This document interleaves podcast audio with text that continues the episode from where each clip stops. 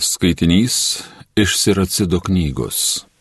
Tarytum taukai iš mėsos, paukotos, išsiskiria Dovydas iš Izraelio. Su liūtais jis žaidė, lyg tie būtų oškos, ir meškos jam buvo nelyginant avys. Dar būdamas jaunas, nudobė galiūną, išgelbėjo tautą nuo grėsinčios gėdos. Užteko ranką pamojuoti laidyklę ir štai galijoto didybė subliuško. Kadangi jis šaukėsi aukščiausiojo Dievo, jo dešinę viešpats pripildė galybės, kariauti įgudusį vyrą parblokšti ir savai tautai padauginti jėgą. Todėl jį gražiai apdainavo merginos, jam šaukė, jis užmušė tūkstančių dešimt. Nešiodamas karūną su priešais kariavo, visus juos aplinkui pažemino baisiai.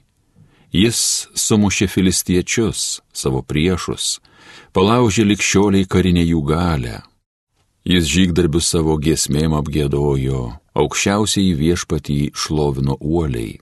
Visa širdimi jis mylėjo kūrėją, kasdien giesmėmis teikė garbę aukščiausiam. Jis styginius grot prie altoriaus pastatė, sutvarkė gėdojimą pritarent arfom. Jis suteikė šventėms blizgėjimą šaunų, išgražino iškilmes keičiantis metams. Gėdojimas šventajam viešpaties vardui šventyklui aidėdavo jau nuo pat ryto, jam nuodėmė viešpats meilingai atleido ir jo viešpatavimą pagrindė amžiams. Jis suteikė teisę karaliumi būti, jo sostą pastatė tautoj Izraelio. Tai Dievo žodis.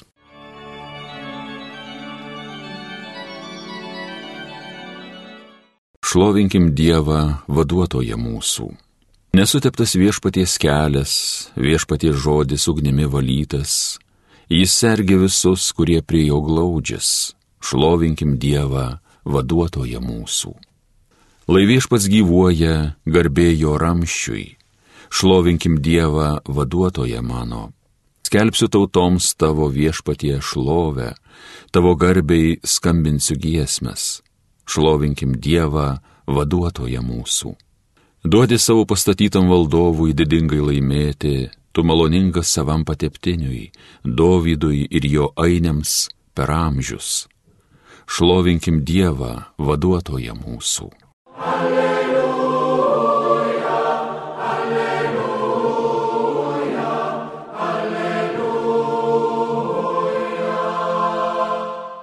Palaiminti, kurie Dievo žodį išsaugo geroje širdyje ir duoda vaisių kantrumu. Alleluja, alleluja, alleluja.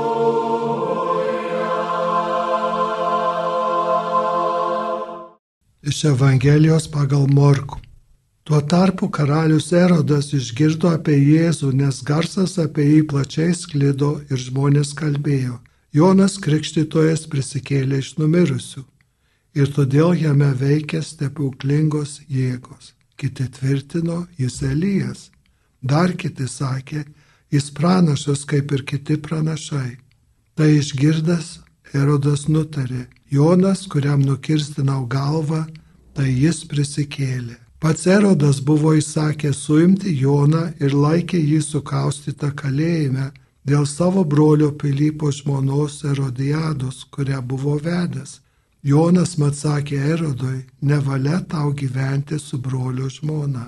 Taigi Erodijada neapkentė Jono ir troško jį nužudyti.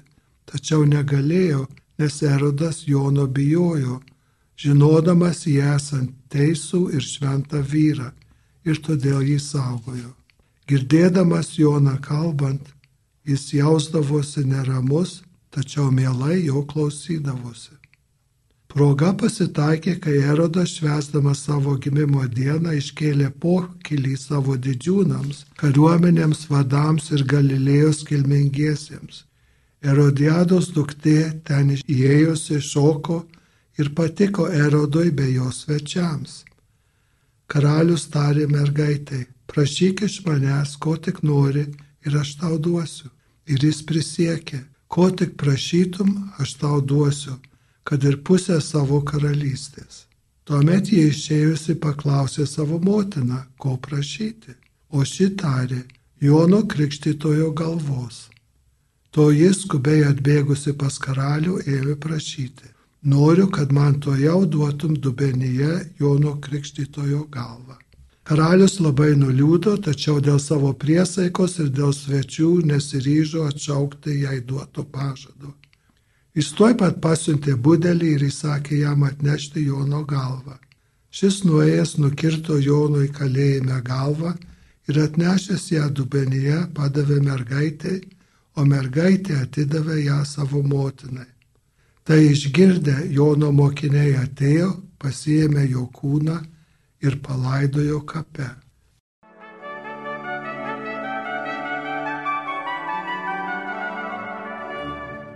Mes girdime, kaip Jono Krikštytojo mirties svarstoma, kas Jėzus yra ir Erodas domisi Jėzaus mokymu, kaip jam buvo įdomus, kad ir nepatogus Jono mokytojas. Ir mes čia matom Evangelijoje mums labai gerai pažįstamus du keistus žmonės. Tai čia Erodas, ne va tai karalius, tai yra iš tikrųjų patikėtinis, Romos okupantų patikėtinis ir joks karalius, o reikia sakyti, padlaižys, galim sakyti, Romos imperijai.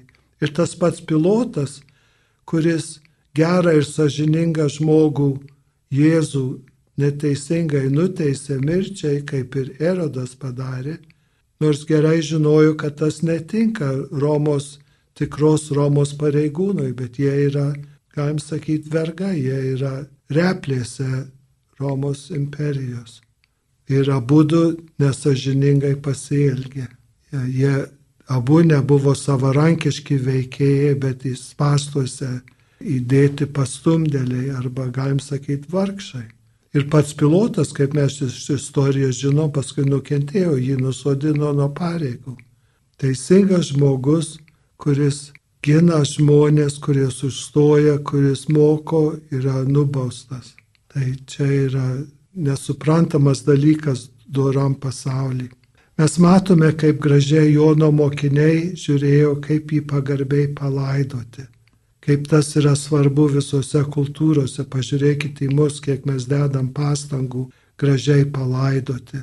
Ar dabar, kai yra sunkiau su tom lygom ir visa kita ir būna daugiau sudegintų pelenų, mes vis vien su didžiausia pagarba ir su gėlėjim laidojam. Arba pažiūrėkim, kaip tas vargšas pabėgėlis iš arabiškų kraštų 19 metų buvo Baltarusijos kareivių varytas plaukti per upę, nors nemokėjo plaukti ir aišku nuskendo. Ir kaip radus jo kūną po dviejų mėnesių, Lenkijos totoriai su tokia pagarba tą 19 metį palaidojo svetim šaly, bet to paties islamo tikėjimo žmogų. Arba pažiūrėkime į mus pačius, važiuoji per Lietuvą ir vis yra paminklai miško broliams, yra parodyta žydų žudinių vietos. Arba misija Sibiras, kiek buvo reikšminga, kai dar galėjau ten vykti, tuos toliau išreikšti pagarbą, pagerbti tuos, kurie žuvo už tikėjimą, už savo tautą. Ir mes matom, kad ta Dievo istorija, kuri mes skaitome šventajame rašte nuo Adomo ir Jėvos iki apreiškimo knygos yra ir mūsų pačių istorija. Nėra kažkokie pasakojimai ten praėję, bet tas vyksta, lygiai tas pats vyksta mūsų laikais. Neteisėtai pasmerkti žmonės, žmonės, kurie eina pareigas visuomeninės, valstybinės, kokias bažnytinės, kokias kitas ir piknaudoja ir daugybė kitų dalykų. Dievo istorija yra mūsų istorija. Tie žmonės ieškojo Jėzaus ir rado,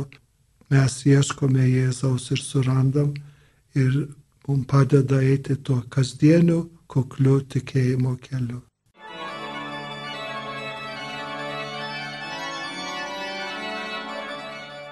Homilija sakė tėvas jėzuitas Antanas Saulaitis.